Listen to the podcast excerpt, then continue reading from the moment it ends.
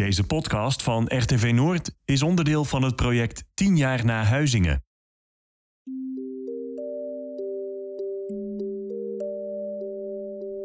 Nacht had ik een droom. Ik ging op de bank zitten en het begon ineens heel hard te trillen. Ik lag in die droom op bed. Er lag een aardbevingsteller Ik dacht naast dat er me. oorlog kwam, dus ik ben heel snel naar de wc Af en toe was er een aardbeving van Toen ben ik heel bang daar 1,1. gaan zitten, omdat ik echt heel bang Maar op een was. gegeven moment voelde ik iets. Ons huis ik dacht, kan verder scheuren. Dit is niet zo erg. raam en toen keek ik op die aardbevingsteller. En dan? 9,1.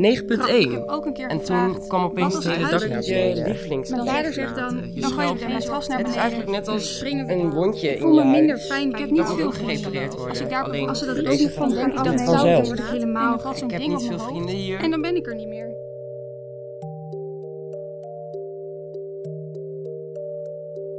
Waarom is het hier en niet ergens anders? Waarom is het hier en niet ergens anders? Waarom is het hier en niet ergens anders? Wat je nu hoort zijn uitspraken van chronische kinderen tussen de 6 en 18 jaar. Ze staan opgeschreven in het onderzoeksrapport Een veilig huis, een veilig thuis. Waarom is het hier? Dit is Verscheurde Jeugd, 10 jaar na Huizingen, aflevering 4. hier en niet ergens anders? Hoe nu verder? Waarom is het hier en niet ergens anders? Mijn naam is Egbert Minema. In de voorgaande afleveringen hoorde je de verhalen van Eline, Ik moest zelf maar een nieuw achterlampje gaan halen en ik moest zelf maar het boekje doorbladeren om uit te vinden hoe het moest. Esmee Ik kan overal slapen daar waar ik wil. Maar mijn nachtrust is sindsdien nooit meer hetzelfde geweest. en Milou. Als die komt, dan heb je dus nog een half uur om je huis uit te komen. Drie jonge mensen uit Groningen die zijn opgegroeid in het aardbevingsgebied. Ze deelden hun indringende verhalen met me. Dit zijn verhalen die niet op zichzelf staan. Er zijn namelijk veel meer jongeren met heftige verhalen. Wat vertellen die verhalen ons? Hoe kun je voorkomen dat jongeren blijvend beschadigd raken? En wat als jongeren liever niet over hun ervaringen met aardbevingen praten? Om dit te begrijpen spreek ik met Inge van Balkom. Ik ben eh, eh, werkzaam als kinder- en jeugdpsychiater bij Jongs. Dat is onderdeel van eh, een grote GGZ-organisatie Lentis. Inge schreef samen met vijf andere onderzoekers het rapport Een veilig huis, een veilig thuis. Hiervoor spraken ze kinderen en jongeren die opgroeiden in het aardbevingsgebied. Waren bijna 30 jongeren die mee hebben gedaan. Dus we waren geïnteresseerd in het verhaal van de persoonlijke beleving van de jongeren. Omdat we dachten ehm, dat er misschien onvoldoende aandacht was om te luisteren naar eh, wat kinderen daarover konden vertellen. Ze blijken er genoeg over te vertellen te hebben als ze zich veilig genoeg voelden om hun verhaal te delen. Dat de impact van aardbevingen op jonge Groningers wel eens sterker zou kunnen zijn dan gedacht, begon Inge te vermoeden vanwege observaties die ze eerder al deed in haar eigen psychiatriepraktijk. De jongeren die bij ons komen, daar is natuurlijk iets mee aan de hand. Die worden verwezen omdat er iets mee aan de hand is. Maar daar zaten vaak ehm, problematiek bij. Of er ontstond problematiek waarvan ik dacht, maar dat past helemaal niet eh, bij dat beeld. Denk bijvoorbeeld aan trauma's, angststoornissen, depressies of autisme. Het kan allemaal problemen geven waardoor jongeren specifieke zorg nodig hebben. De problemen die optreden bij ehm, eh, de jongeren die bijvoorbeeld verwezen werden voor zorg, die gingen over hele andere soort problemen. Nachtmerries, weer in bed gaan plassen terwijl je gewoon dat jaren niet hebt gedaan. Bang zijn om in je eigen kamer te slapen. Ja, waarom ben je dan bang? Er zou een scheur kunnen komen, er zou een aardbeving kunnen komen. In die specifieke groep viel het me wel op dat er veel van dat soort angstgevoelens eh, waren die samenhingen met een gevoel van onveiligheid in hun eigen huis of in hun eigen buurt. En dat leek eh, samen te gaan met eh, er zijn scheuren ontstaan of nieuwe scheuren gekomen of verderop is een boerderij gestut. En bij jongeren triggert dat hele andere gedachten. Die denken niet meteen van, oh het zal wel veilig zijn of ehm, de organisaties van sociale organisaties zullen wel opletten dat we veilig zijn. Ze, ze, ze haalden zich echt van alles in het hoofd en hadden ook dus een langdurig gevoel van, er kan elk moment dus iets gebeuren eh, waarbij mijn huis wordt aangedaan. Hierdoor ging bij Inge een belletje rinkelen. Lang verhaal kort. Er werd een uitgebreid onderzoek op touw gezet, waarin meerdere onderzoekers één op één of in groepsverband gesprekken hebben gevoerd over aardbevingen en het leven met een huis vol scheuren. Eén ingrijpend verhaal over twee kinderen van 12 en 15 staat Inge specifiek voor de geest. Ik was onder de indruk van een verhaal waarin een broertje en een zusje zeiden van uh, wij gaan als we naar bed gaan kijken we eerst zijn er nieuwe scheuren. Dus ze gaan niet gewoon in hun slaapkamer naar bed, maar zijn er nieuwe scheuren. Um, is de scheur breder geworden die er al zit? Uh, en we bespreken even hoe kunnen we wegkomen als het huis gaat instorten. Daar hadden ze dus een concreet idee voor gemaakt met z'n tweeën. Hoe kunnen we dan wegkomen? Dat betekent dus dat als ze gaan in bed gaan liggen, dat ze eigenlijk dan nog moeten opletten. Dus ze gaan niet echt heel diep slapen, want ze moeten nog opletten of er iets gebeurt. Ook als je zegt, maar het is toch onwaarschijnlijk dat het gebeurt. Dan zeggen ze, nou, het is misschien onwaarschijnlijk, maar het was ook onwaarschijnlijk dat er aardbevingen zouden ontstaan in Nederland. Dus deze twee hadden met elkaar ja, een soort, nou ja, wat zou ik zeggen, een soort ontsnappingsroute uh, bedacht. En ook, ja, dan moet je opletten, uh, als jij dan eerst wakker bent, dat je mij wakker maakt. Want dan kunnen we samen, en kunnen we dan die kant, als de scheur aan die kant breder wordt, moeten we zo weg. En als de scheur in mijn kamer breder wordt, ja, dat vond ik wel, uh, toen dacht ik wel, nou, dan slaap je toch ook niet rustig. Eén werd heel druk op school, de ander was juist heel stil op school, teruggetrokken. Dus het, het slechter slapen is ook van invloed op um, nou ja, hoe gezond je je voelt en wat je kan verdragen. We vonden het opmerkelijk dat, um, eigenlijk ook indrukwekkend, dat uh, wat jongeren bedenken dat er kan gebeuren, soms veel ernstiger is dan, dan wat je als volwassene denkt dat er kan gebeuren. Dus het is onwaarschijnlijk natuurlijk dat er een aardbeving zou komen waarbij je nou een heel gebied wegzinkt, uh, duizenden doden vallen, zoals grote aardbevingen in andere landen. Maar dat zijn een ander soort aardbevingen. Maar die gedachten hadden jongeren wel. Als het heel lang duurt, ga je toch dat soort dingen allemaal uh, denken. Dit verhaal roept bij mij de vraag op: wat kun je als moeder of als vader doen als je ziet dat in de hoofden van je kinderen zoveel omgaat? Iemand die er uit eigen ervaring dingen over kan vertellen is Henriette Hoving. Zij is maatschappelijk werker en woont ook al langere tijd midden in het aardbevingsgebied. Ik ben uh, woonachtig in Fraamklap, uh, tussen Middelstem en Onderdendam. Daar woon ik inmiddels. Eerder woonden we in Westerwijdwerd. En uh, wij hebben drie kinderen, inmiddels um, 20 plus en de deur uit. In Westerwijdwerd woonde Henriette en haar gezin in een molenaarswoning, met een molen direct naast het huis. Hoewel de woning zelf ook aardbevingsscheuren had, zat het gevaar hem in de molen. In directe zin, omdat er bij de molen veel scheuren zichtbaar waren, maar ook in indirecte zin. Die scheuren in die molen zorgden namelijk voor gevaarlijke situaties bij stevige wind. Het gevoel van uh, onveiligheid werd versterkt door het weekendkruis ook boven ons hoofd. Um, maar een weekendkruis van een molen moet met de kop in de wind staan om zo veilig mogelijk te staan. Uh, maar wij wilden het weekendkruis niet meer boven ons hoofd hebben. Uh, om de veiligheid wat meer, nou ja, in ieder geval gevoel van veiligheid wat te vergroten. Want als de wieken van de molen niet met de kop in de wind staan, dan kunnen bij die hevige storm de wieken ervan afgeblazen worden. Het is een aantal keren gebeurd dat wij dan naar, uh, naar een hotel gegaan zijn. Het kon in overleg met de NAM, wat allemaal prima verliep. Nou, het hele spul, uh, uh, hele spul bedoel ik dan de kinderen mee, hond mee, naar een hotel. Naar het hotel gaan omdat de molen bij stormen gevaar was. En dan ook nog eens een hotel dat zelf ook weer scheuren in de muur had. Hoe moet dat voor Henriette's kinderen zijn geweest? Ik had ze dat graag willen vragen, maar alle drie hebben ze geen behoefte aan om met mij hierover te praten. Dat het indruk heeft gemaakt, dat weet de moeder zeker. Kijk, voor kinderen is naar een hotel gaan ook wel heel erg leuk. En heel bijzonder om te ervaren. Dus af en toe was het ook wel zo dat zij dan uh, een beetje hoopte op harde wind misschien. En uh, als het dan zover was, was het natuurlijk ook nog wel weer een soort van avontuur. Dat is voor ouders anders dan voor kinderen. Maar als het je lukt om uiteindelijk um, de kinderen gerust te stellen dat dit nu eenmaal moest, dat dit beter is dan thuis zijn op dat moment, um, dan probeer je er ook maar weer het beste van te maken.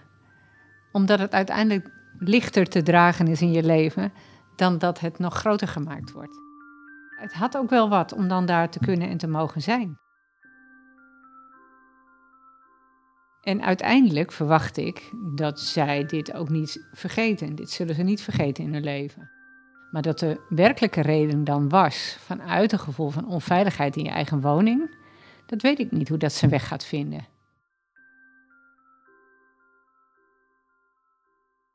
Uiteindelijk is het gezin uitgekocht door de NAM en zijn ze in Fraamklap gaan wonen, waar ze overigens ook weer te maken kregen met schade. Het speelt, net als bij veel Groningse gezinnen, al jaren een grote rol.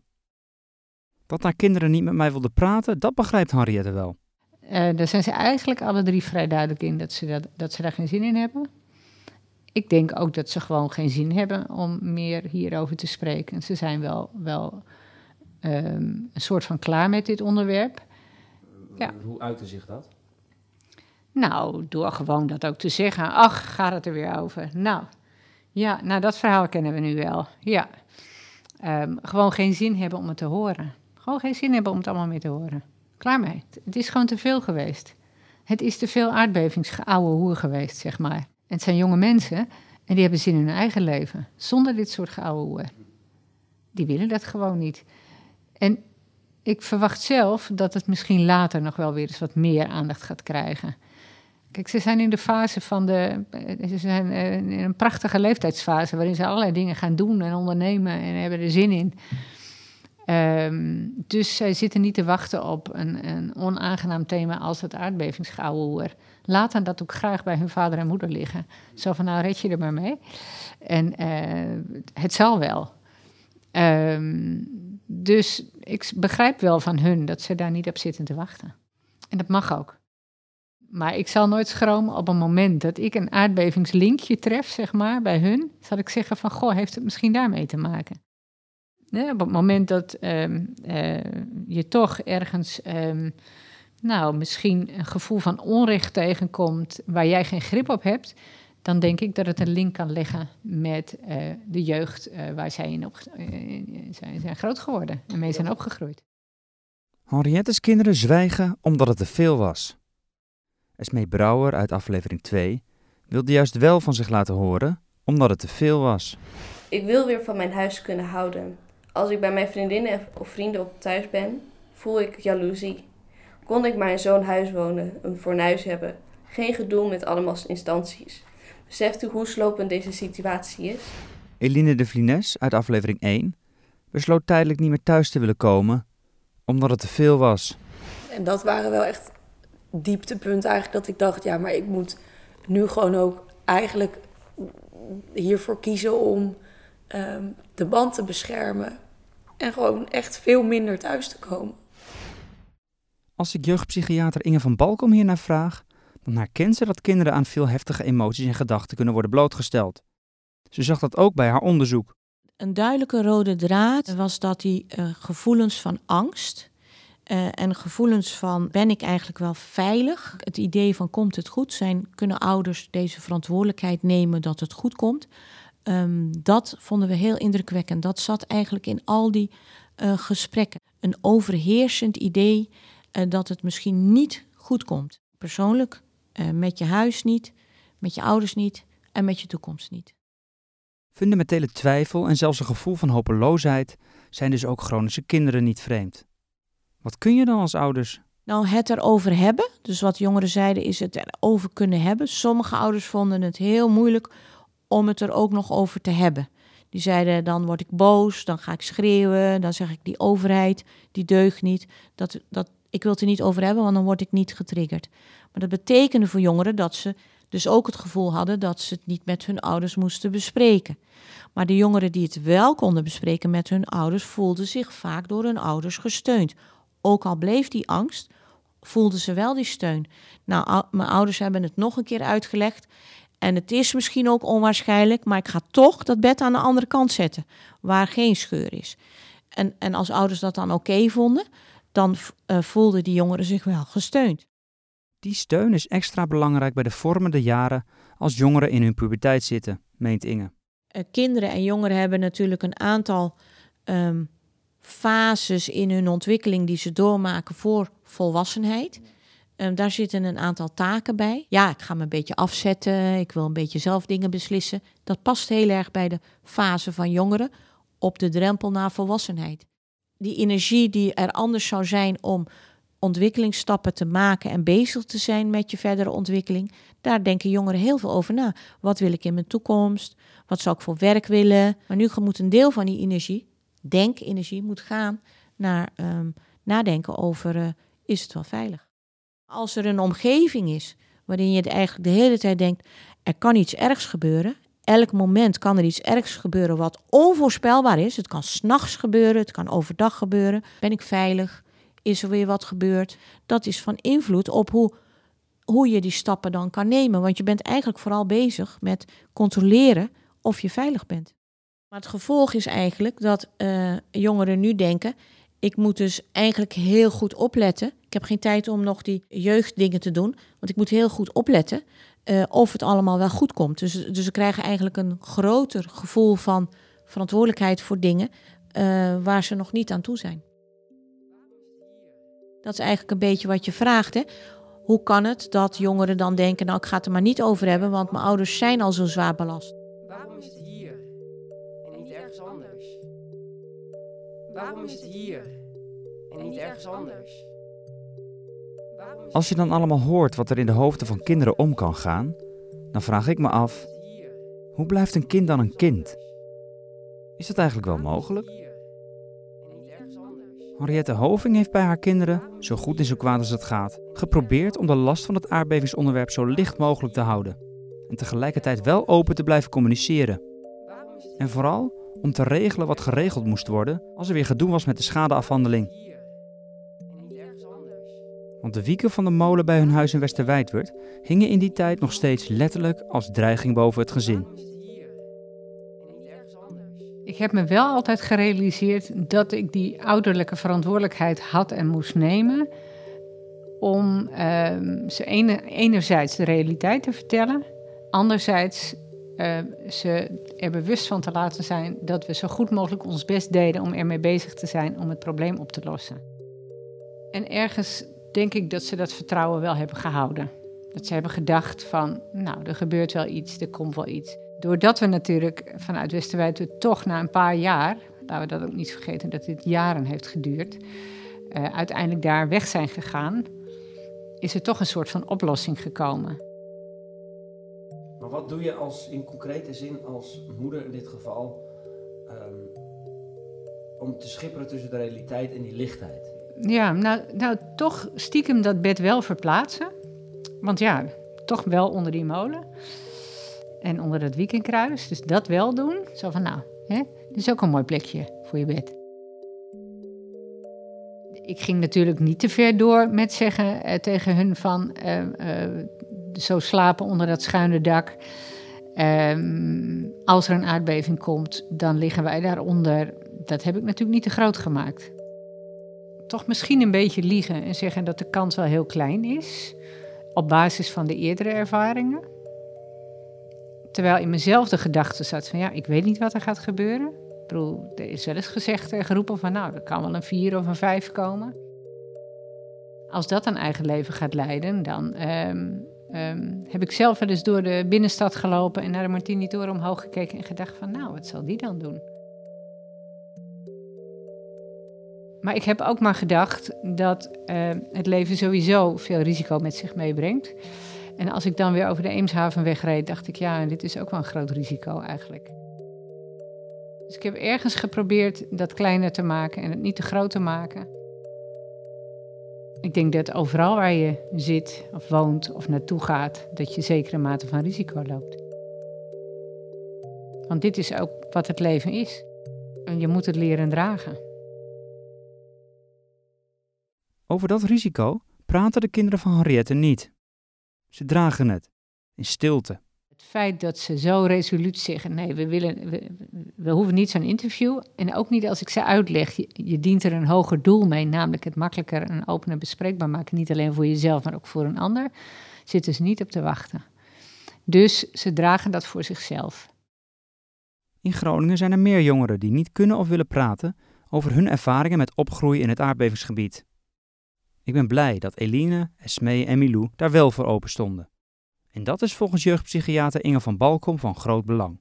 Het verhalen vertellen geeft ook ruimte en aandacht aan wat de jongeren hebben meegemaakt.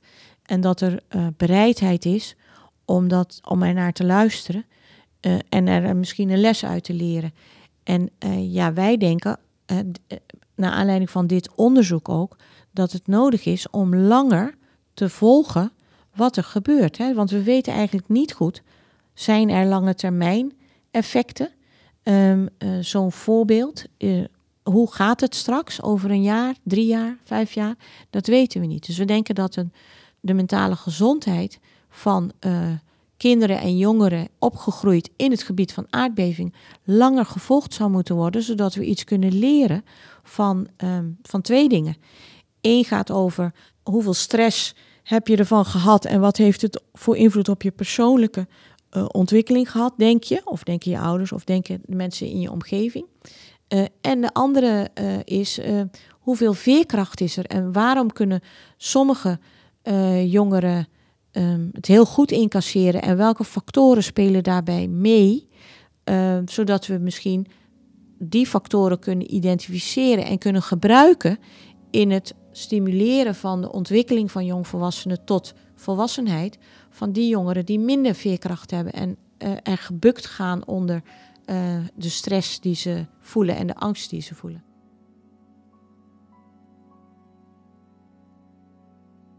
Met deze podcastserie heb ik geprobeerd een bijdrage te leveren aan het verlagen van de drempel voor jonge mensen en hun ouders om hun verhalen voor het eerst of opnieuw te delen met anderen. Duidelijk is dat door de gaswinning veel mensen en dus ook jongeren schade hebben opgelopen. Soms ligt dat direct aan de oppervlakte, soms ook niet. Het is belangrijk dat verhalen uit het aardbevingsgebied verteld blijven worden. Want alleen dan wordt de kans misschien stukje bij beetje groter dat de overheid in Den Haag er echt alles aan doet om de schade aan huizen en de schade aan mensen en kinderen te herstellen.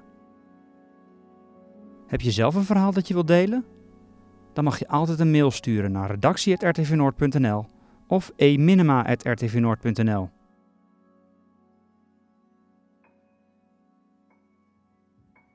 Dit was Verscheurde Jeugd 10 jaar na Huizingen. Ik zou het fijn vinden als je de podcast deelt met vrienden en familie. Want de verhalen die je hoorde zijn het waard om door meer mensen beluisterd te worden.